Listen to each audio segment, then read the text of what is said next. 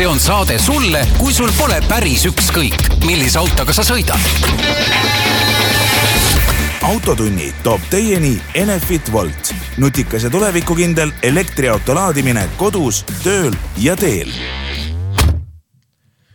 tere kuulajad, Autotund eetris, stuudios Tarmo Tähepõld ja Margus Pipar Geeniuse uudisteportaalist ja kui tänasele saatele anda mingi fookus, siis ma arvan, see on proovisõidud ja mitte niisama, vaid proovisõidud ma ei tea, kalliste linnamaasturitega, aga mitte selles mõttes, et me ei ole nüüd sinna kuskile saja, sada tuhat pluss Range Roverite rooli istunud, vaid pigem selline tutskem keskklass, aga kalliks teeb see sageli ka näiteks jõuallika valik, et räägime Maseratist, räägime Mercedesest, Mazda CX kuuskümmend ja Nissan X-Trail aga enne seda räägime muudest asjadest ka.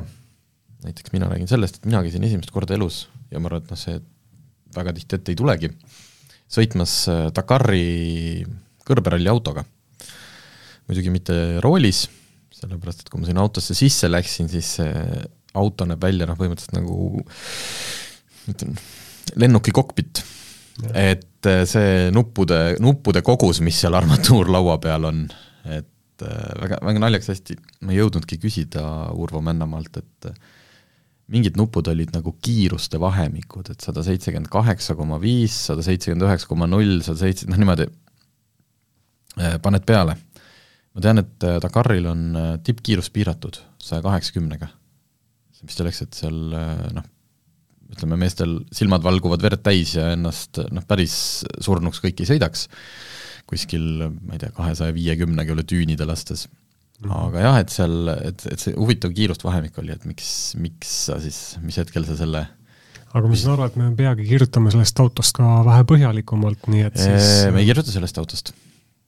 ma arvan, et sa pead silmas nüüd vana kas-, jaa. käis ka, eks ole, selle Kristjan Ojan käis Leedus ja tutvumas Toyota nii-öelda siis ametliku sõitja ehk et see ei ole vanakas, päris sama auto. vanakase, mis on vanakase eesnimi? ei tulegi. Benedictus. Benedictus, just. Benedictus vanakase uue võistlusautoga, milleks on siis Hilux äh, V6 mootoriga. ja, ja sel vanal on V8, eks ole. just, ja, ja miks vanakas omaga, oma veel oluline on, on sellepärast, et äh, seal kaarti loeb äh, meie oma mees Kuldar Sikk, just võid vahel segada, mul on täiesti praegu nimedega on täiesti pekis.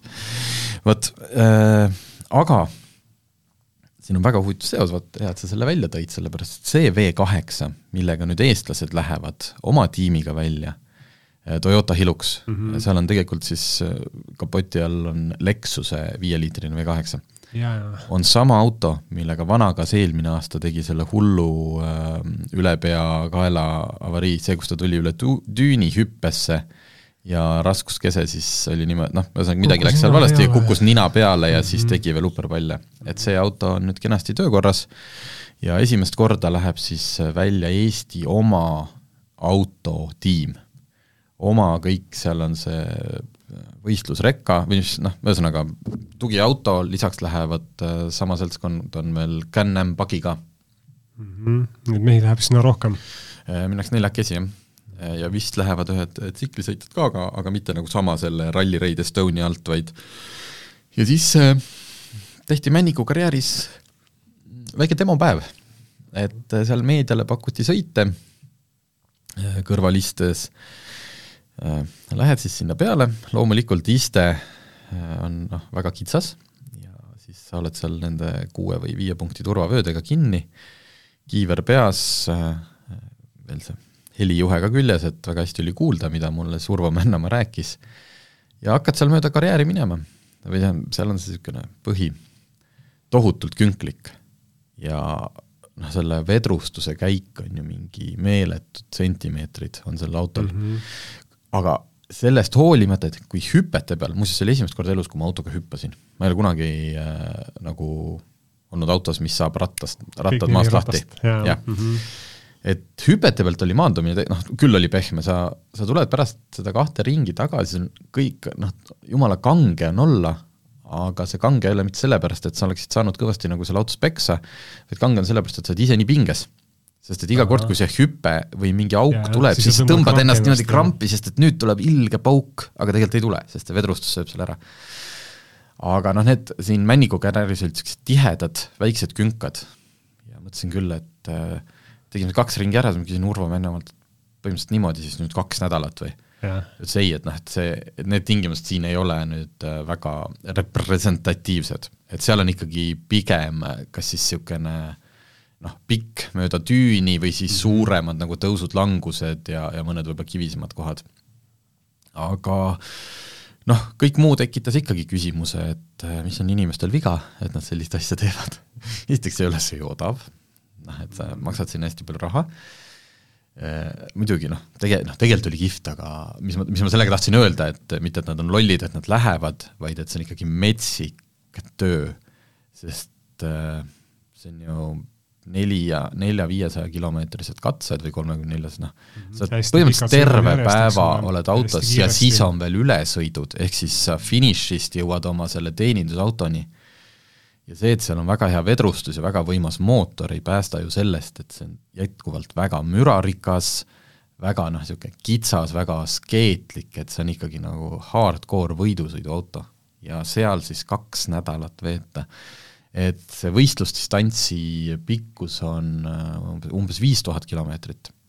aga koos ülesõitudega tuli, tuleb see umbes üheksa tuhat kilomeetrit kahe nädalaga kahe nädalaga. ja, ja, ja mitte niisama sõita mööda maanteed, eks ole, aga kogu aeg nagu sa pead Jah. jälgima, kogu aeg olema Täpselt. valvel, eks ole, kogu aeg keskendunud ja siis, ja siis see auto veel raputab ja müriseb.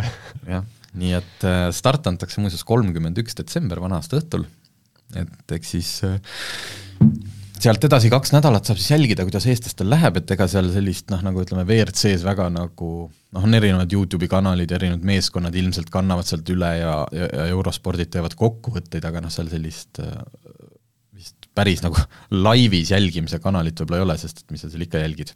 aga võib-olla on, andke teada kas äh, mehed ütlesid ka välja, et mis ootustega nad sinna lähevad, et no ei, täitsa hea pressikonverentsil noh, ütlesid, et noh, loomulikult oleks nagu see, et noh, kõik öelnud noh, et noh, tahaks ju lõpuni jõuda, aga siis tegelikult nad on ju kogemustega mehed, et seal on, kes on käinud seal äh, selle Can-Am äh, nii-öelda pagi tüüpi asjaga lähevad, äh, ütlen kohe, oli Mart Meeru ja Toomas Triisa, et noh, nemad on näiteks tsiklitega ju käinud mm. -hmm. et päris nagu tundmatu see ei ole. et, et ühesõnaga nad kuidagi jäi mulje, et nad nagu noh, nagu nad päris selle peale välja ei lähe, et oh, saaks lõpunigigi, et eh, natuke ikka on näha, et meestel on seda eh, võitlussädet oli silmis küll.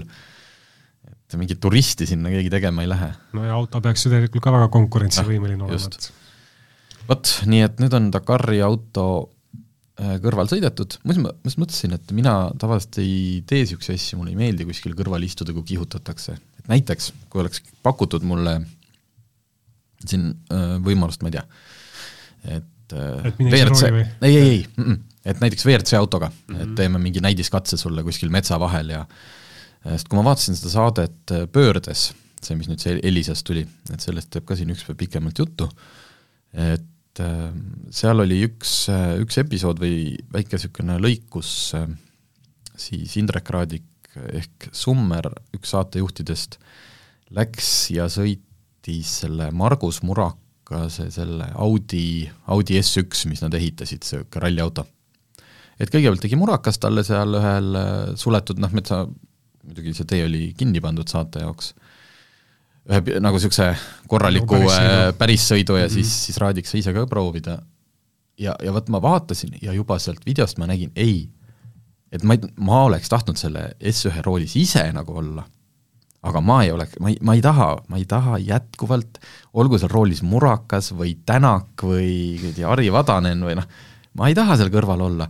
see on, lihtsalt nii jabur, kui noh, need puud seal tee kõrval ju, noh, see on nagu ja siis, siis öeldakse, no jaa, aga nad ju teavad, mis nad teevad, nagu tere hommikust, noh, mitu WRC etappi lõpeb niimoodi, et ükski rallisõitja, kes teab mm, -hmm. mida ta teeb mm, -hmm. matsu ei pane, noh nii et vot seda mul ei olnud, aga sinna Dakari autosse mul ei olnud nagu sellist, et adrekat, et pagan, kas ma nüüd, sest et vaata, ilus suur liivaplats. jah, just, ei ole, et sa et noh, sõidad see, et kui ta üle, noh tõesti, mi-, mingil põhjusel peakski üle katuse ja, ja noh, come on, seal meediademosõitudel ta ilmselt mm -hmm. paneb välja viiskümmend protsenti sellest autost, aga ikkagi noh, ma ei, ma lihtsalt ei saa selles WRC-s aru, see puude vahel sõitmises, see tundub nagu raju, vot, ja siia otsa vist oleks mõistlik öelda, et äh, Porsche esitles lõpuks siis oma Porsche üheksa üks üks Dakari. Jah, eelmine nädal tuli üldse igasugu erimudelite uudiseid tuli päris palju, et äh, ka kaasa arvatud siis selle Porsche Dakari autoga, jah.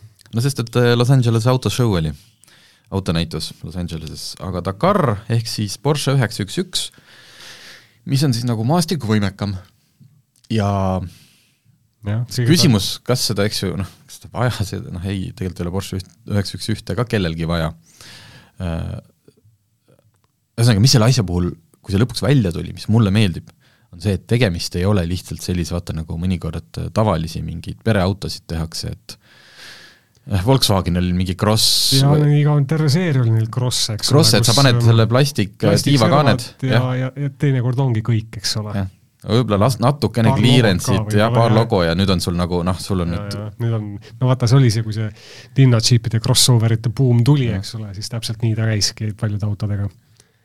Aga siin on jah, siin on ju clearance itki on tõstetud viis, viis sentimeetrit, eks ole, ja no just, ja see on veel tõstesüsteem, kui ühesõnaga, see on, saad tõsta kuni kaheksakümne millime-, ehk siis kaheksa sentimeetrit mm -hmm, seda mm -hmm. clearance'it, mis on seadistuse kõige kõrgem asend on kasutatav kuni sada seitsekümmend kilomeetrit tunnikiirusega no,. et kui sa sealsamas kuskil Baja või nendel kõrberallidel et kui keegi küsib, et no kas, kus sa saad saja seitsmekümnega sõita, saab küll, lihtsalt Eestis ei saa. et meil on äh, mingid äh, noh, kõrrepõllud parimal juhul äh, augustikuus, kui vili on võetud, eks ju, aga, aga, aga on kohti, kus saab seda kasutada ja ühesõnaga, see auto on ikkagi päris rajult tehtud maasturiks. jah, ja noh, erimudel jälle, tehakse teda suhteliselt vähe ja noh, vot kas kaks tuhat viissada on tänapäeval vähe, et seda sportklassikut tehakse tuhat kakssada viiskümmend. Mhm.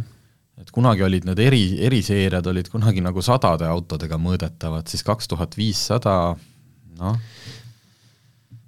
jah, sportautode maailmas ta tõesti, eks ole, tegelikult on päris suur number. See põhineb siis Carrera GTS-il, millel nelisada kaheksakümmend hobujõudu, kolmsada viiskümmend kolm kilovatti ja on suhteliselt identne Carrera, no selles mõttes, et ta ei ole mootorit, ei ole mitte kuidagi tuunitud, ei võimsamaks, ei, ei väi-, väiksemaks võetud, lihtsalt Carrera GTS-i ehitatud äh, sellest äh, kõrberallikas äh, nullist sajani kolme koma nelja sekundiga.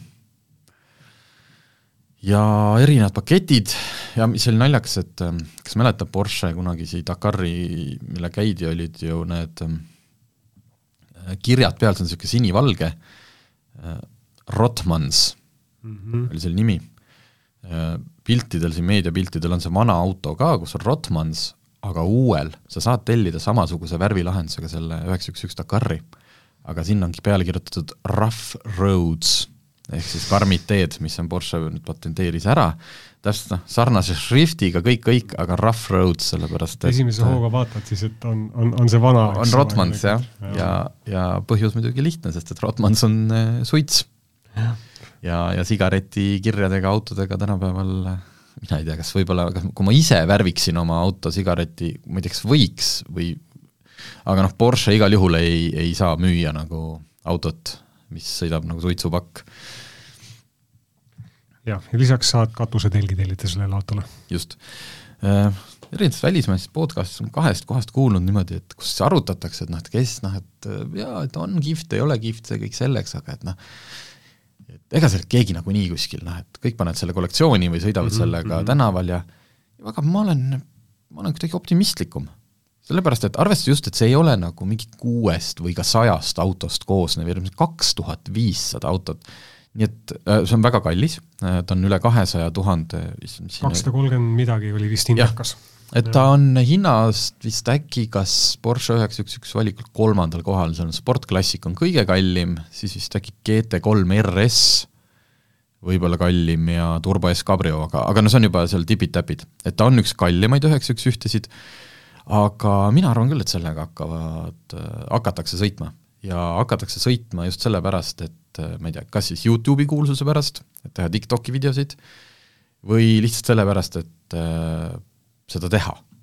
sest et nüüd ju käisid ähm, jah, Eesti mehedki käivad ju sellistel sõitudel, tuunivad oma Porsche't samamoodi maastikuvõimekamaks ja äh, üks uudis just oli, äh, siin netis olid pildid, et Kalmar, Kalmar Automotive on ta vist nimi, kes ehitabki vanu, vanu Porschesid selliseks maastikuvõimekaks, no sarnaseks niisuguseks Dakari stiilis, tegi või hetkel sõidavad või sõitsid läbi Lõuna-Ameerika mingi valikuga aga selle puhul lahe asi on see, et see Kalmar on küll äh, taanlane, see Jan Kalmar, äh, aga see firma asub Eestis, neid ehitatakse Eestis, Pärnus, ja kui neid pilte vaadata, need levisid üle terve maailma, nad olid Top Geari lehel, niisugune äh, vist oli kas seitse-kaheksa autot.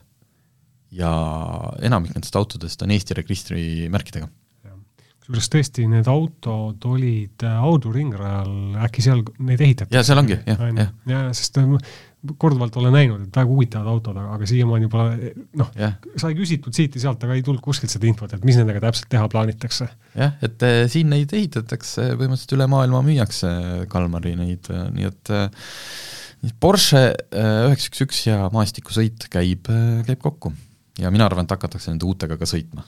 Ma ei tea, ma arvan, et see kaks tuhat viissada autot on varsti omale omaniku leidnud ja, ja väga palju ja varsti on Youtube kevadel vist hakatakse tarnima Youtube täis neid, kes teevad hüppeid ja kes, kes tüünilt kaugemale lendab. millegiga peab ju mängima ka. nii, mis meil siin oli mm? -hmm. veel üks huvitav uudis rubriigist Seda tahaks proovida, ma isegi ei tea, kas tahaks, et Pininfarina Batista on üks järjekordsetest hulludest hüperautodest, äh, mis sõidab elektrimootoriga, põhimõtteliselt nagu Rimac, äh, Rimac Nevera,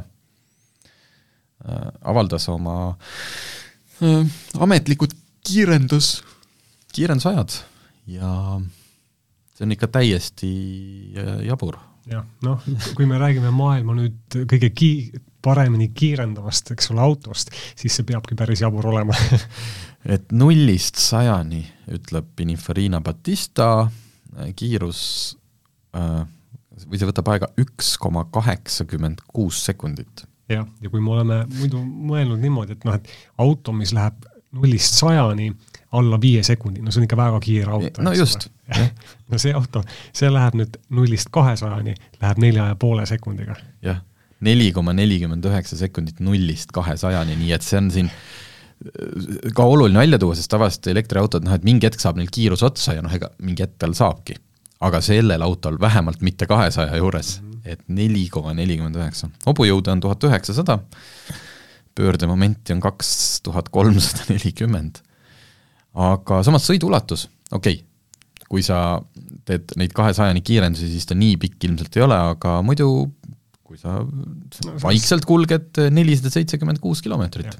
selle, selles mõttes, et äh, ta peaks olema, või no ongi, ta on täiesti võrreldav niisuguse äh, elektrilise pereauto sõiduulatusega mm, -hmm. sest neid mõõdetakse ju samas tsüklis, see VTP tsükkel, ütleb, et viissada kilomeetrit, siin öeldakse samamoodi selle kohta. eks ta siis umbes niimoodi sõidabki. Äh, võrdluseks võib tuua, et äh, see kiirendusaeg null kuni kakssada on umbes vormel ühe Äh, vormel ühe tasemel kiirendus. ma muidugi ei kujuta hästi ette, et, äh, et seal nagu autos olla, kui see, kui, kui ta niimoodi no, kiirendab. just, et minu kõige kiirem on ikkagi olnud, mis me oleme proovinud, on see Porsche Taycan äh, Turbo S mm, -hmm. mis on, kas ta on kuskil kaks koma neli või? ja, ja ka üheksa üks üks Turbo S suudab ka sellist, ma olen ka sellega kiirendanud, Audrus tehtigi meile kohe seal launch control'iga. ja ütleme nüüd, et päris kiiresti hakkab paha, noh reaalselt süda läheb pahaks. See on, see, see ikkagi on niisugune täitsa teistmoodi tunne, kui see kohalt pealt nagu käib, eks ole, sul esimese hooga nagu su, su aju no, ei jõua nagu sinna järgi, silme eest läheb udus, eks ole, uduseks ja siis, ja siis nat-, no see kaks sekundit hiljem, siis sa nagu taipad, et mis nüüd juhtus, kus sa nüüd oled, eks ole. Et, et siin no seda tõesti hästi ei kujuta ette. Ja on välja toodud ka pidurdusmaa, et kiirendad siis ühe koma kaheksakümne kuue sekundiga sajani ja siis pidurdad ja siis see pidurdus võtab aega kõi-, või noh, mitte aega, vaid kõigest kolmkümmend üks meetrit, mis on ka täiesti hull, sest et arvestades auto ilmselt ei kaalu vähe. palju, jah. et äh, päris hästi meil tehnoloogia maailmas läheb.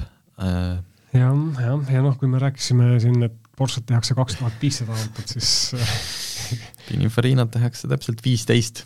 jah, ja ka maksab ka kümme korda rohkem kui see Porsche, et kaks koma kaks miljonit on ühe auto hind. aga ma arvan, et kui see nüüd, kas päriselt nagu müüakse neid äh, ka, kui neid ka keegi ostab, siis äh, täitsa kindlalt mingi hetk tuleb, et ahah, viisteist Pininfarina Batista kupeed, aga nüüd me teeme viisteist näiteks äh, Roadsterit ka mm. -hmm. ja siis me teeme viisteist erimudelit, mis on noh, sinised ainult mis ei ole üldse needsamad, niisugune Pagani mudel, et kogu aeg tuleb ja, ja siis teeme viisteist erimudelit, kellel me anname mõne kuulsa võidusõitja nime näiteks. vot, aga muuseas huvitav asja tõi jälle üks, üks podcast välja, oli see, et et neid elektrilisi hüperautosid päris palju nagu öeldakse, et meil tuleb ja meil ja, ja Remever, aga keegi ei ole veel, ma ei tea, kas see on fakt, aga keegi ei ole veel öelnud, et et meil on see nüüd see piiratud Äh, mudelite hulk läbi müüdud. et nagu, et sisuliselt põhimõtteliselt sa võiksid minna ja osta omale selle Rimac Nevera või siis selle Pininfarina Batista, et kui alati, kui tuleb kas Ferrari'l või kellegi mingi hüper erimudel mm, -hmm. siis on kohe seal uudise lõpus on lause, aga need kõik on juba praeguseks äh, omaniku leidnud. siis nende elektriliste hüperautode puhul väidetavalt ei ole selliseid avaldusi tehtud aga võib-olla ma levitan kõlakaid ja kõik on nad juba ammu õnneliku omaniku leidnud. ja võib-olla siis üks äh, autouudis veel, ka BMW tegi erimudeli oma siis M, M-divisjoni viiekümnenda juubeli puhul, mida me oleme siin nii põhiliselt äh, natuke nukralt tavaliselt tähistanud, sellepärast et äh, esimene auto, mis nad selle raames välja tõid, oli see BMW XM, hiiglaslik maastur põhimõtteliselt alles teine päriselt ainult nagu M, M-mudel pärast M1-te, mis kunagi ju kaheksakümnendatel tehti mm. -hmm. siis eh, vahepeal on neid tegelikult eh, M-osakonna sünnipäevaautosid veel välja tulnud ja nüüd siis esitleti viimast BMW kolm punkt null või kolm koma null CSL ehk siis kunagise sellise hüüdnimega Batmobile uus versioon, mis baseerub eh, M4 CSL-il aga on kõvasti ümber ehitatud, rohkem süsinikplasti, teistsugune välimus, seal niisugune ikooniline tagatiib, mis ei ole küll väga suur, ühesõnaga kõik, kõik on natuke parem, näeb päris nagu selline vinge välja, kusjuures siin paljud optimistid loodavad, et, et see esimene iluvõre, ehk siis need hiiglaslikud neerud mm, -hmm. on ka ümber disainitud ja täitsa ilusaks või noh, see Nad on suured on endiselt, aga nad ei näe nagu, ei näe nii õudsad välja. et loodetakse, et kas see võib olla äkki see suund, kust BMW ja. hakkab nüüd tagasi tulema oma nende neerudega, mina küll nii ei arva. ühesõnaga, hästi noh, ikkagi väga korralikult ümber ehitatud auto. ja mootor on ka äh, võimsaks tehtud, mis on nüüd siis, äh, kust ma selle üles leian, viissada kuuskümmend äh, hobujõudu, nelisada kaksteist kilovatti ja võimsaim äh, BMW rida kuus äh, tänavalekaalsete BMW-de see mootor, mis eales tehtud on. aga mis nüüd huvitav on, see, et BMW ei ole selle hinda öelnud, aga ma olen internetist leidnud väga mitme uudise juurest, ka Johnny Lieberman, Ameerika ajakirjanik, oma Instagrami postituses kasutas ka seda, et seitsesada viiskümmend tuhat eurot või dollarit no enam-vähem sama, eks ole. viiskümmend autot toodetakse, okei okay, mm, -hmm. väga piiratud väljalase. aga sisuliselt me räägime ikkagi mitte kuidagi käsitööna ehitatud täiesti uuest teistsuguse välimusega mingist resto mood või noh, asjast, vaid lihtsalt äh, tuunitud tavamudelist, eks ole. tuunitud M4 CSL, teistsuguseks tehtud natukene, et et seitsesada viiskümmend tuhat on juba väga sügaval mingite haruldaste resto moodide maailmas, noh, okei okay,, Singeri Porsche't sa päris ei saa üheks üks ühte, aga seal Tuthilli omad ja nagu kui see number päriselt nagu on tõsi, siis see on, üldiselt ma ei viitsi viimasel ajal üldse autohindade üle imestada. et on, mis on, eriti mingis sellises resto moodide ja nende klassis, et noh, kui kui on viissada tuhat, see on viissada tuhat, aga et nagu noh, nagu seeria tootmises BMW eest seitsesada viiskümmend tuhat eurot, ma arvan, et see on äkki kuskil keegi mingi fake news'i liikvele lasknud, sest jah, ja siis kõik kasutavad sedasama ühte just, ja meiegi siin praegult. aga meie kahtleme selles. sest see tavaline M4 CSL maksab Saksamaal umbes sada kuuskümmend viis tuhat eurot et äh, pool miljonit juurde selle eest, et ta on natukene teise disainiga ja teda on hästi vähe toodetud, aga mine tea. nii, aga mina olen nii palju siis, rääkinud, ma lasen sul ka rääkida. Äh, lähme siis, äh, tuleme natukene maa peale tagasi et need, on toredad need ärimudelid küll, eks ole aga, aga, aga õnneks on, tehakse tavalisi autosid ka veel. tavalisi, võtame siis, võtame rahvaklassi. Mazda versus Nissan jah, et ähm, mõlema puhul võib öelda ju seda, nagu sa siin alguses ütlesidki, et ähm, üsna rahvalikud margid, eks ole, aga hinnad enam ei olegi nii rahvalikud, vähemalt nende autodega puhul, millega me nüüd sõitsime mm. -hmm. et esiteks äh, Mazda täitsa uus mudel CX kuuskümmend ja mis vähemalt esialgu tuleb ainult pistikhübriidina.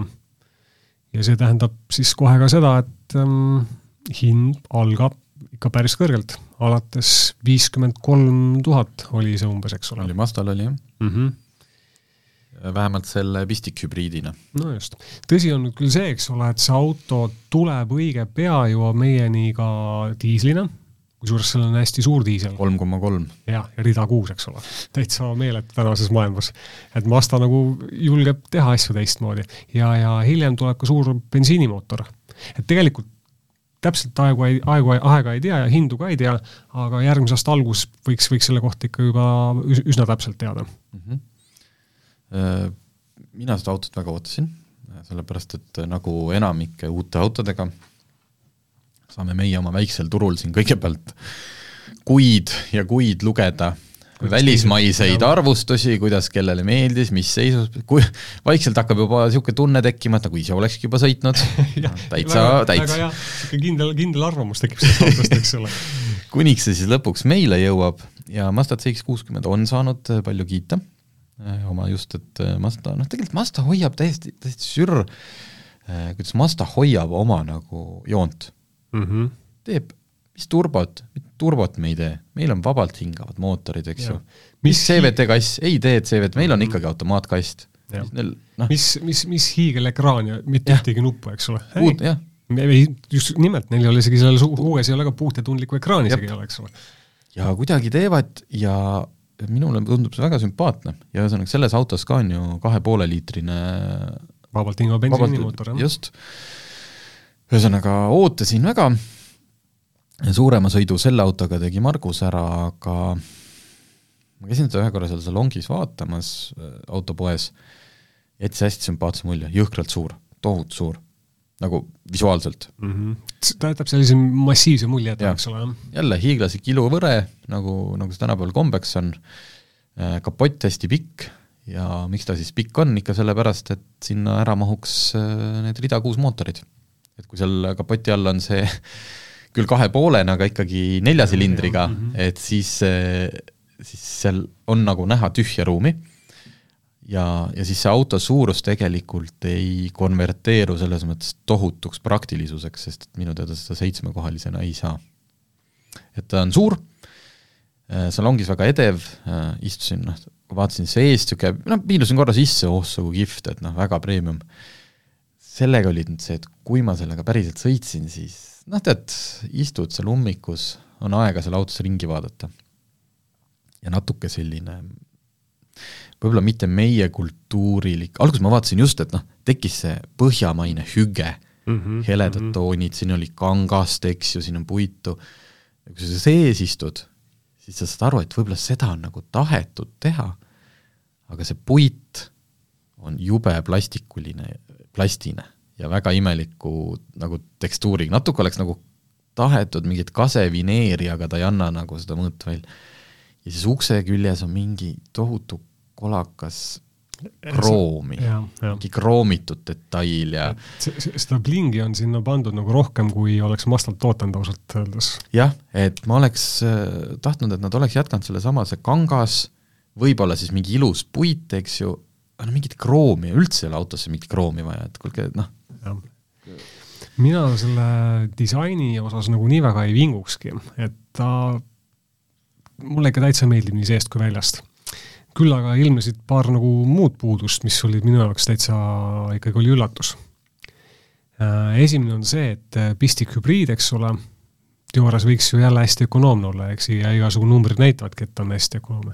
aga kui ma selle auto kätte sain, täispaagiga, äh, paagi suurus on umbes viiskümmend liitrit, täpselt ma seda numbrit ei tea, aga sinnakanti, ja ja sõiduulatust näitas auto kolmsada kilomeetrit. okei okay. äh,. lisaks ta peaks circa kuuskümmend kilomeetrit suutma sõita, eks ole, puhtalt elektrilisena. kui sa saad auto kätte, millel on suur, suhteliselt suur kütusepaak, aku täis laetud ja ta ütleb, sa saad kolmsada kilomeetrit sõita, siis see pani küll ausalt öeldes nagu kukalt sügama muidugi, et tal on äkki niisugune vana, vanakooli see kompuuter veel sees, et nagu mul on see kaks tuhat seitseteist Alfa, selles mõttes on see veel selle aja toreda ajastu auto, et äh, ta nagu, et moodsad minu arust suudavad palju paremini arvutada hästi kiiresti ümber seda, kuidas sa käitud, Alfaga mõnikord hakkad sõitma, sest sa oled teinud nädal aega linnasõite ja hakkad maale minema, vaatad oi-oi-oi, ainult kolmsada saan sõita.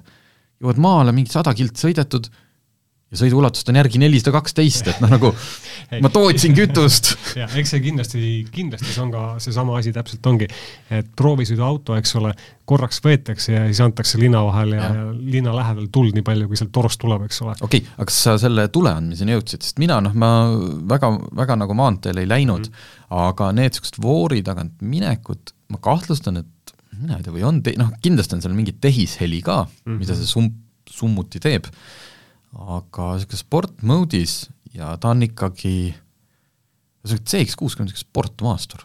jah, see, see on üsna õige hinnang, et ta nagu oma sõidutunde poolest on üsna sportmaastur, ta on üsnagi jäik ja üsnagi palju niisugust mootori häält teeb, eks ole, niisugune konkreetne et ta ei ole selline pehme auto üldse. ei, ta käib, jah, käib edasi, selles mõttes, et kui me räägime ja kui sa jah, tahad nagu minna gaasi põhja võtta, siis ta läheb küll, et mm -hmm. ähm, ja no muidugi, eks see sõiduulatus ka nagu rahulikumalt ise sõitsid, siis ta nagu hakkas seda ikkagi juurde kerima. aga, aga sellele vaatamata see paak äh, tühjenes üsna nagu kiiresti. et äh, jõuame taaskord sinna, et kui sa ostad omale pistikhübriidi või mingit sorti laetav auto, siis sa pead seda ikkagi laadima, et tema, et, et, et tal mõte sees oleks. muidu, muidu on täiesti, täiesti pointless. jah, ta on raske auto, eks ole, ja kui sa kasutad ainult bensiinimootorit, siis sa pead seda raskust selle bensiiniga nagu edasi vedama. et, et asjal mõte sees oleks, siis sa pead ikkagi pistikus aku täis laadima, tühjaks saad, jälle täis laadima mm -hmm. ja mhm. siis sa, siis sa saad võitu, eks ole mm. -hmm. Ühesõnaga, mis me, kas, kas ta meile siis kokkuvõttes äh, noh, kokkuvõttes olid üsna niisugused vastakad tunded ausalt vastakad just, et ta on ühtepidi erineb äh, sellisest mm -hmm. hallist keskpärasusest, oma disaini, kõigi, kas sul see kroom meeldib või mitte, vähemalt on sees üritatud.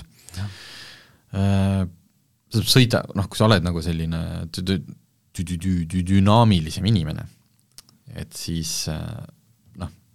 jaa, ja huvitav on ta igal juhul, et äh, proovima tasub minna. aga kui me nüüd võtame kõrvale selle teise auto, siis teoorias vaatad, mõlemad on hübriidid, mõlemad on suhteliselt suured, eks ole me räägime Nissan X-Trailist. Nissan X-Trail just saabus. jah, ja ei saa nagu erineva iseloomuga autod olla. täiesti äh,, Nissan X-Trail ehk siis kuidas ma seda, ühesõnaga selle auto taha, lisaks sellele, et on Nissan X-Trail kirjutatud, on kirjutatud ka E sidekriips neli Orce. ehk siis ütleme siis E-Force peaks mm -hmm. ta mhm. võib-olla visuaalselt näeb välja E-Force, mis tähendab siis äh, elektrilist nelikveosüsteemi et ta ei ole, et ühesõnaga tagarattad veavad äh, elektrimootori abil, käivad ringi. Äh, lisaks on seal teise külje peal on kiri e-power, mis tähendab siis seda, et see on see Nissani versioon hübriidindusest, mis tähendab seda, et tegelikult ei ole bensiinimootor äh, üldse ühendatud ratastega, mitte ainult tagaratastega, vaid ka esiratastega, vaid bensiinimootor on pardal ainult elektri tegemiseks. generaator, jah mm. -hmm generaator toodab elektrit, umbes vist oli mingi kahe kilovatt-tunnisesse akusse ja kogu auto käib edasi elektriga. nii et kogu aeg selles mõttes sõidad elektriga, aga vahepeal on mootorimüra ka, selles mõttes, kui sa näiteks kõvasti gaasi annad mm, -hmm. siis, siis tekib. hääl on ikkagi nagu bensiinimootoriga auto oma. ja mina nüüd sõitsin, ühesõnaga jah, korraks selle nime juurde tagasi, see on X-ide kriips trail ja siis kõik need teised orsid ja asjad sinna otsa, päris, päris naljakas. aga mina sõitsin selle autoga lühemalt, aga nii, esmamulje järgi ta jättis mulle jube hea mulje ausalt öeldes. ja ongi sümpaatne, sama, mina tegin sellega pika, pika ringi, esiteks on ta seest ja üt-, ütleme kohe ära, et ka see oli oma siis var-, noh, tippmudel. X-Traili tippmudel, sisu kõige mõttes, kõik, mis sa sealt saad, ta ütles, et äh, Nissani esindaja ütles, et sinna on juurde, selle auto hinnakirja hind on nelikümmend seitse tuhat, sinna oli juurde pandud äh, panoraamkatus ja sinna saaks juurde veel panna põhimõtteliselt seitse, noh nagu kolmanda istmerea mm. -hmm. aga ühesõnaga, sisuliselt põhimõtteliselt viiekümne tuhande eurone auto ja Mazda oli kuuskümmend kolm. ja see Nissan näeb seest vähemalt sama kuidas ma ütlen, premium või mm -hmm. ma selle ostaks omale. ja siis ma mõtlen, kas sellele viiekümne tuhandele, mis ma just kulutasin, siis mul ei ole nagu sellist, et noh, pagan. niisuguse, niisuguse, nüüd sain nagu, ei, ilus ja. oli selline pruunikas nahk, kõik on nagu väga, väga viisakas. ta on natuke niisugune tavalisem ja tavapärasem, eks ja. ole, kui Mazda, aga, aga sa tunned ennast sees väga hästi, kõik on Just. nagu tipp-topp aga millega ma siis noh, ei oleks rahul, mis on, jõuame sinnasamma Mazda sellesse, et ma saan aru, et kõiki neid noh, kõiki neid PEV-e ja siis nüüd neid e-power eid on vaja mitte tarbijal, vaid rohkem on neid vaja sellel tehasel, sellel autotootjal, selleks, et saada oma neid CO2 näitajaid alla. PEV-i puhul on see tsükkel nagunii minu jaoks arusaamatu, sest need PEV-ide ametlikud, ehk siis pistikhübriidide ametlikud kütusekulunumbrid on tavaliselt mingi üks ja mhm. üks koma seitse ja selleks me peaksime võtma omale mõni autofirma, andke meile, eks ju, pikaajalisse testi, et me saaksimegi päriselt kasutada seda, et iga õhtu laen, aga siis samas sõidan jälle nädalavahetusel maale, eks ju, noh, siis et Sükest... mis see keskmine tuleb, sest praegult me tavaliselt nende autodega me saa, noh, ei saa eales alla kuue. Ja see e-Power käib vist sinnasamma äh, alla, sest et äh, ta on lubatud keskmine sellel äh, X-Trailil oli kuskil seal kuue koma viie juures mm. -hmm see hinnakiri lahti, aga ma pean siin natukene mis ei, mis kõlab nagu üsna niisugune loogiline. kõlab loogiline, sest et see näiteks Toyota RAV4-ga mitte küll, see noh, ühesõnaga tavaline ikkagi hübriidide see nii-öelda lakmuspaber on Toyota. ükskõik, kas me räägime luukpärast, kas me räägime juba seal RAV4-st, ja ris-, ja kes päriselt saavad äh, kes meil... päriselt sõidavad ka ökonoomselt tegelikult. just, et RAV4-ga, mis on tegelikult ju suur auto, ei ole probleeme see saadagi kuskil võib-olla esimene number isegi viieks. no pigem võib-olla niisugune kuus koma väiksed kopikad. aga arvestades, et tegemist on suure linnamaasturiga, ilgelt kandiline, on see täiesti okei okay tulemus. ja sel Nissanil nii, jõudsin scroll ida, kombineeritud lubatud on kuus koma kolm kuni kuus koma seitse. Mhm. mina äh, reedel, kui ma sellega sõitma hakkasin, no ma öö, ütleme nii, et ma ikkagi ökotasin. see rutska oli keeratud ökorežiimi e, e-pedal sisse vajutud, see on see, et nii kui gaasipedaali lahti hakkab lased, hakkab ta pidurdama, ehk siis regeneer-, jah mm. -hmm see oli sisse lülitatud, igal võimalikul hetkel electric mode ehk siis EV nupp oli sisse lülitatud, hästi rahulikult ja tiksusin seal äh, läbi Tallinna ummikute reede õhtuste ja siis maanteel ka sada kilti. ja minu tuli üldse mingi üheksa koma, üheksa koma ütleme neli.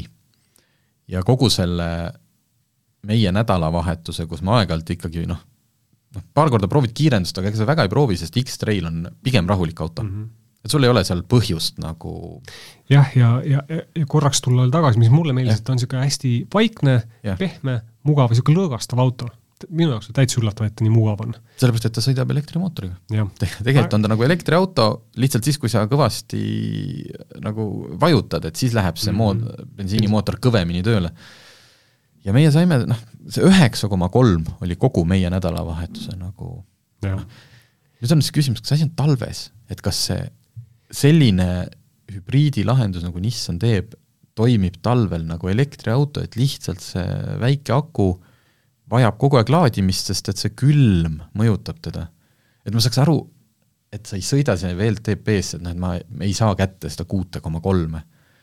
aga et me ei saa kätte ka seitse koma kolme või me ei saa kätte ka Mhm. kaheksa koma kolme, kuigi me üritame, siis on nagu noh, nagu no kusjuures see on nagu täitsa levinud, nende, kõik teevad vaata seda hübriidi nüüd natukene omamoodi, eks Jah. ole, aga kõik teevad. ja, ja, ja viimane, viimasel ajal ikkagi ongi niimoodi, et sa sõidad selle autoga ja sulle meenub nagu see, et varem lihtsalt bensiiniautoga sa said väiksemad kütusekulunumbrid. et ähm, tohutu tehnika, tohutu mis sinna kõik sisse pannakse, auto maksab rohkem ja reaalsuses ilmselt mingites oludes on võimalik hästi ökonoomselt sõita. aga, aga niimoodi, nagu me tavaliselt sõidame, no ma ei tea, praktika näitab, ütleme, et neljal juhul, vähemalt äh, neljal juhul viiest, et ähm, ma ei tea, bensiiniautoga, ökonoomse, moodsa bensiiniautoga sa sõidad vähemalt sama ökonoomselt või ökonoomsemalt. Äh, kui ma vaatan siis selle X-Traili tavaline äh, mootor siis, mis on sada kakskümmend kilovatti, sada kuuskümmend hobujõudu, väga muutuva kompressiooniastmega, kui kellelegi see midagi ütleb, keskmiseks on märgitud seitse koma üks kuni seitse koma kuus, ehk siis liiter vähem. või tähendab, vähem kui, vähem kui liiter rohkem ja. kui see e-Power. pool liitrit kuni liiter on see Jah. vahe, eks ole. et äh, noh, ei olegi nii suur vahe, aga hinnavahe seejuures, muidugi selle Neliforce e-Poweri sõiduomadus on kindlasti kihvtim, sellepärast et noh, nelikvedu ja siis see elektriautolik selline, et linnas sa ikkagi kulged nagu elektriauto, sa peaaegu ei noh, mootor kas ei tööta, kui tal on piisavalt akus särtsu või siis töötab vaikselt, aga hinnavahe, kõige kallim äh, e-Power, kusjuures ei ole ka, kui me räägime tagaveolis-, lihtsalt tähendab, äh, esisillaveolisest, siis e-Power on nelikümmend viis tuhat ja see tavaline siis mootor on nelikümmend üks tuhat, kui ma räägin tippmudelist, noh Mhm, kõige kallima, hakkab see üldse kolmekümne viiest tuhandest. nii, vot ühesõnaga, ärme siin väga detailidesse lähe, aga meie järeldus siis nendest kahest autost, et meile ootamatult nagu meeldis Nissan rohkem. et Ma- ma... jättis sümpaatse mulje ja see hinnavahe kolmteist tuhat on ikkagi jah, päris märgatav. jah, et noh, Mazda on tõesti jah, sõidate palju linnas, saate kodus autot laadida mm. -hmm. siis, siis on see ka, eks ole. saate sõita nagu elektriautoga, eks ole, ei pea. ja muidugi lumises parklas äh, Mazda läks tagaotsa ette Nissan üritas sind ikkagi päästa ja poos kõik ära ja hakkas seda autot otse lükkama, noh nagu jällegi sportlik. just, just Mazdaga saab külgsi teha. nii, aga sina tegid pikema ringiga Maserati Grecalega, järjekordne sportmaastur. ja järjekordne hübriid. siiski vist on see pehme, pehme hübriid ta või? on küll jah, poolhübriid nii-öelda.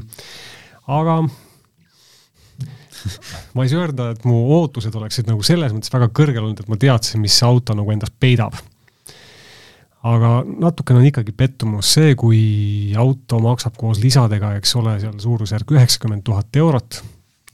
Ta nimi on Maserati, tal on uhked embleemid, ta on seest ja väljast uhke ja siis seal kapoti all on rida neli mootor ja tee, mis sa tahad, panemise režiimi tahad, ta, ta teeb häält nagu Volkswagen Golf ja see rikkus minu jaoks selle peo nagu täiesti ära. kusjuures noh, tegelikult on isegi mõistlikult kiire mm,, aga, aga sellist vau-efekti nagu mida Mas-, Maserati võiks pakkuda, seda ei olnud. et äh, ta on hea auto, ta on hea auto, ta on üsna ruumikas, ta on üsna kiire, ta sõidab, sõidab täitsa mugavalt, varustust on palju, edev, aga üheksakümmend tuhat, Maserati rida neli mootor, no vot.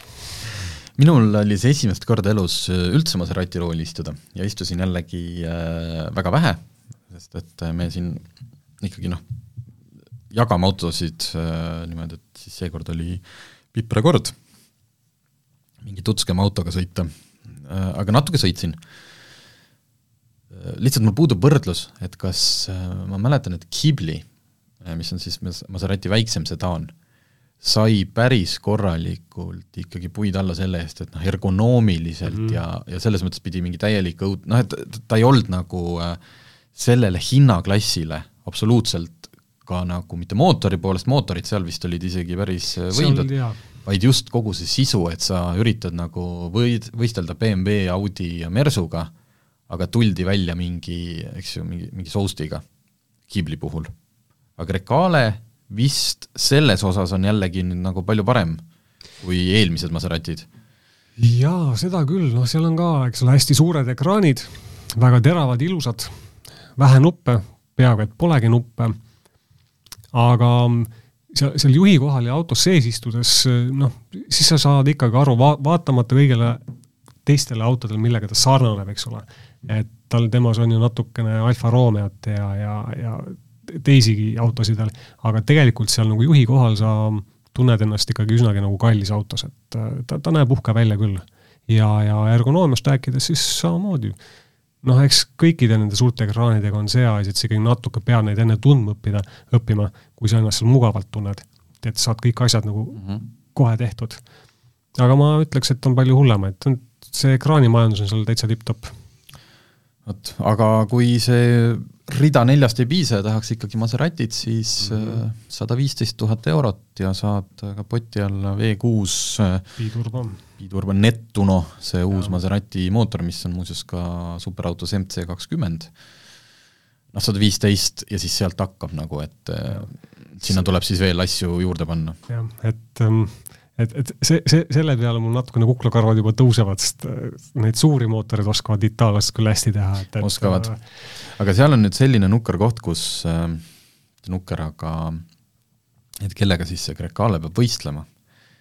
ja üks, äh, kellega ta ju võistleb, on äh, noh, kelle, kel, kelle kliente ta tahaks, on äh, täielik blank out, Porsche Macan mm. -hmm ja kui tundub, et noh, et ei no Porsche, et see on ju nii kallis auto. jah, siis ongi, selles mõttes muidugi on no,, kui sa hakkad jah. Korralikult seal lisavarustust ja kõike panema. aga kui sa võtad, võtan siin Porsche Macani hinnakirja lahti, siis seesama äh,, okei okay, äh,, see Grecale, millega sina sõitsid, oli kolmsada hobujõudu äh,. Porschel Macan no, vähem, eks ole, baasmudelil. baasmudelil on kakssada kuuskümmend viis hobujõudu, samuti kaheliitrine mootor ja hakkab kuuekümne viiest tuhandest. ja ütleme, et selleks, et jõuda siis sinna Maserati tasemeni, panna veel nagu no kahe-kolmekümne tuhande eest saab tegelikult selle Macani noh no saab panna, kui väga saab panna, ei, selles mõttes ei ole muret, et siis äkki noh, jääb lahjaks. aga kui võtta nüüd Macan GTS, mis on suhteliselt üks parimaid linna selliseid sportlikke linnamaastureid üldse, kõikide oma omaduste poolest, okei okay,, tagaiste ei ole noh, maailma kõige suurem. aga see on ikkagi selline auto, et kui sa seal roolis oled, siis sa tunned, et no, see on hea auto. just, et see on hea auto, ta ei ole mõttetult suur, ta on väga hea, tal on kolmsada kakskümmend neli kilovatti, nelisada nelikümmend hobujõudu. muidugi Maserati see V6 on minu arust üle viiesaja hobujõu, viissada kolmkümmend vist. aga äh, Macan GTS hakkab üheksakümne ühest tuhandest. -hmm. ehk et sama, mis Grecale neljasilindriline, aga korraliku varustusega. just, on nüüd äh, Macan GTS, äh, millele tuleb siis varustust juurde panema hakata, kindlasti saabki väga palju panna, aga nüüd on küsimus äh, no, mõistlikult mõtlevale inimesele, et millise auto järelturuväärtus või nagu jääkväärtus, kui sa oled ikkagi, lähed seda asja liisima, et kui palju pannakse sulle Maserati Grecale jääkväärtuseks näiteks kolm või viis aastat hiljem ja kui palju on äh, Macan GTS-il. võib-olla on sama, ma ei tea, selles mõttes ma ei, see, see ei ole nüüd niimoodi, mul lihtsalt see nagu aga endal aga mul noh, kahtlane tunne on, et kui sa võtad lahti, eks ju, Macani kuulutused või, või üldse Porsche, Porschede turuhoid, kuigi võib-olla vist oleme kirjutanud ju kasutatud Macanist, et selle hinnad nagu ja, ei Macan on hea, hea näide, et siin Cayenne'iga võib-olla Cayenne'iga oli just, et ma, ma hakkasin pealt endas kahtlema, sest et äh, on ju turul täiesti võimalik osta nelja tuhande euroseid Cayenne, äh, küll kakskümmend aastat vanad, aga jah, et selline lugu, aga vähemalt Itaalia autofännina äh, ega ei oodanudki, et nüüd Grecale tuleb ja lööb turu uppi. Mhm. et ta tegi niisuguse ja tead, natuke on vist, et äh, Maserati on ka ju Stellantises. ja ta kasutab ju sama mootorit, mis Alfa Romeo ja, ja, ja noh, natukene muudetud kujul. ja kui me oleme siin omavahel jälginud, siis äh, Stellantis on vist kõige rohkem oma hindu tõstnud, tõstnud, kas sunnitud tõstma, kas see tootmine enne, kui nad kõik ühinesid, kas see BSA grupp, kas see kõik oli ennem noh, toodetigi miinusega, toodeti prantslaste raha eest, äh, mida iganes. et äh, et siin Grecale kaitseks võib-olla võib öelda, et, et äkki nemad, kuna ta tuli uue mudeliga, on praegult selle kõige suurema hinnatõusu ära teinud. ja võib-olla siis konkurendid äh, ronivad vaikselt alles järgi. või, või nad on tõesti nii entusiastlikud, et nad arvavad, et äh, et meil on Maserati ja me saamegi palju küsida. et Grecale on kallim kui Porsche, jah. et Maserati oma nimega, võib-olla ongi, emotsioonidega, sellist auto ost-, ostad emotsiooniga. nii, üks mõistlik auto lõppu. Mercedes-Benz GLC, jälle linnadžiip, jälle linna džiip, me oleme võib-olla siin paari saates varem seda maininud, sest ma sõitsin sellega tegelikult juba septembris, sellega ma käisin ostmas oma tuhande eurost Opelit, õigemini siis käima panemas ja uudistamas. ja GLC on siis noh, kes Mercedese selle nime sellega kursis on, eks ju, GLA, GLB ja GLC ehk siis C-klassi nagu põhimõtteliselt. maastur, jah. no kuidas ma ütlen, ongi kõik noh, ülimõistlik, hästi tavaline, aga nüüd äh, ka seest siis äh, noh, minu jaoks suurim muudatus oligi ikkagi sees mm. -hmm. et on nüüd äh, no disainilt sarnane- jah, mitte, mitte hüperscreen nagu EQS-ides, vaid siis see Widescreen cockpit on vist neil selle nimi. vist jah, et see mm sisuliselt noh, samasugune nagu keskelt siit selle käigukangi, käigukangi konsooli asemel, noh sest Mersul, oot selle, oota kohe räägin sellest ka, on suur ekraan, noh nagu S-klassis ja niimoodi. mis ma tahtsin selle käigukangi ja selle kohta öelda, et äh, kas, kuidas Mercedesil ei ole ära keelatud seda, et see käigukang on seal, kus teistel autodel on äh, Suur kojamehe, kojamehe lüliti no reaalselt ma olen, iga kord, kui ma Mersuga sõidan, avastan ma ennast keset liiklust, sest ma olen neutralis. et õnneks ta ei lülita jah, noh, nagu poole sõidu pealt tagumist käiku sisse, aga see, et noh, keegi midagi lendab sulle näkku, vihma sajab, tahad seda kojamehi panna ja hopsti, ja jälle auto neutralis. issand, kui tüütu see on.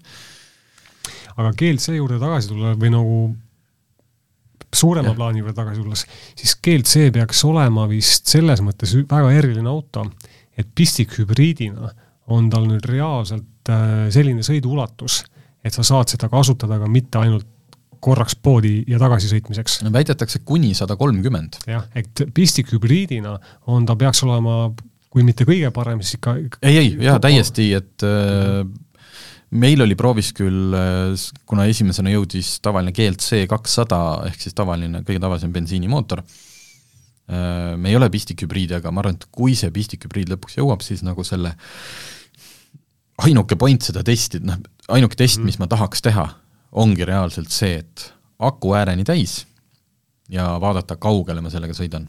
ja tõesti, kui seda lubatakse kuni sada kolmkümmend kilti, mis ma vaatan siin hinnakirja, aitabki ilmselt kaasa sellele, et keskmiseks kütusekuluks ametlikult on märgitud null koma viis kuni null koma kuus liitrit saja kilomeetri kohta. ka seda tahaks, ka seda tahaks proovida, ehk siis viiekümne liitrise paagiga peaks saama sõita, siis matemaatikud ütlevad kui ikka pa- kõik väga kaugele ja mis on selle Mersu puhul eh, nüüd eh, tore, kuigi eelmisel põlvkonnal mingi hetk juhtus see, kus pistikhübriid oli baasmudelina põhimõtteliselt oligi kõige odavam versioon, mis saada oli.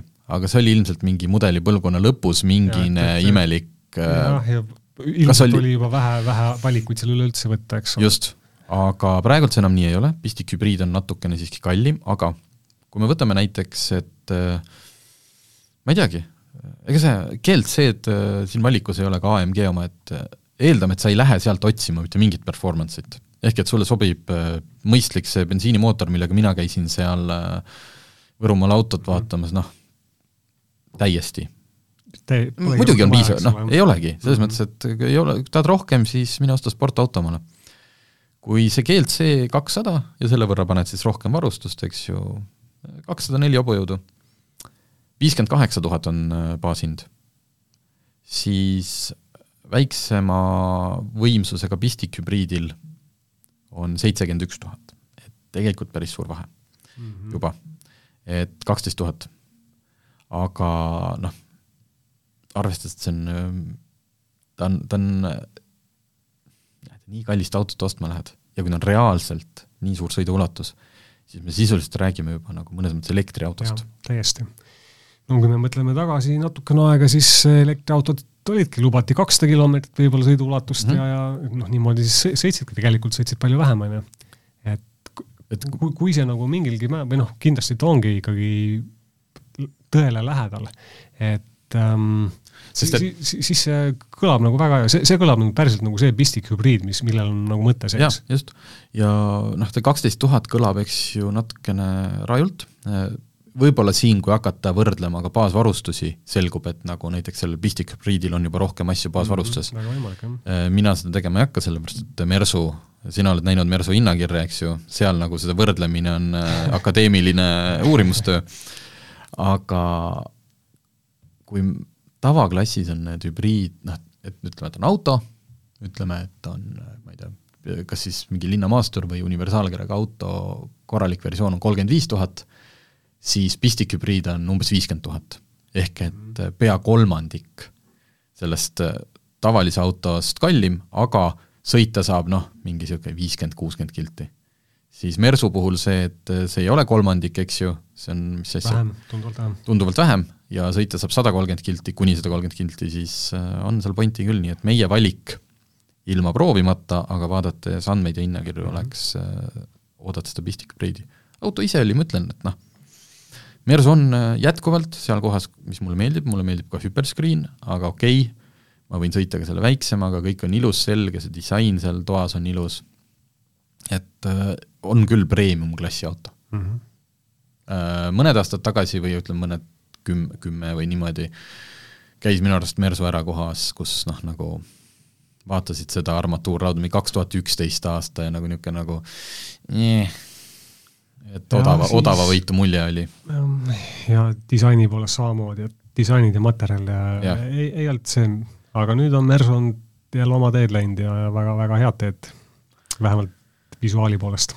vot, selline sai tänane saade, palju proovisõite, palju linnamaastureid ja elektrit ja hübriidi ja kõike ja ostja, autoostja elu ei ole mitte kunagi keerulisem olnud. sellepärast, et vana, vanasti oli ikka, kas võtan bensuka või võtan diisli. Ja arvutad põhimõtteliselt selle peale, kui palju sa aastas läbi sõidad. siis nüüd on sul äh, isegi mitte see, et kas võtan hübriidi vaid kas ma võtan Nissani hübriidi, kas ma võtan Toyota hübriidi või ma võtan Honda hübriidi või Mersu. jah, kellel on igaüks oma mingi ja. süsteem. vot, aga kuulmiseni. autotunni toob teieni Enefit Volt, nutikas ja tulevikukindel elektriauto laadimine kodus, tööl ja teel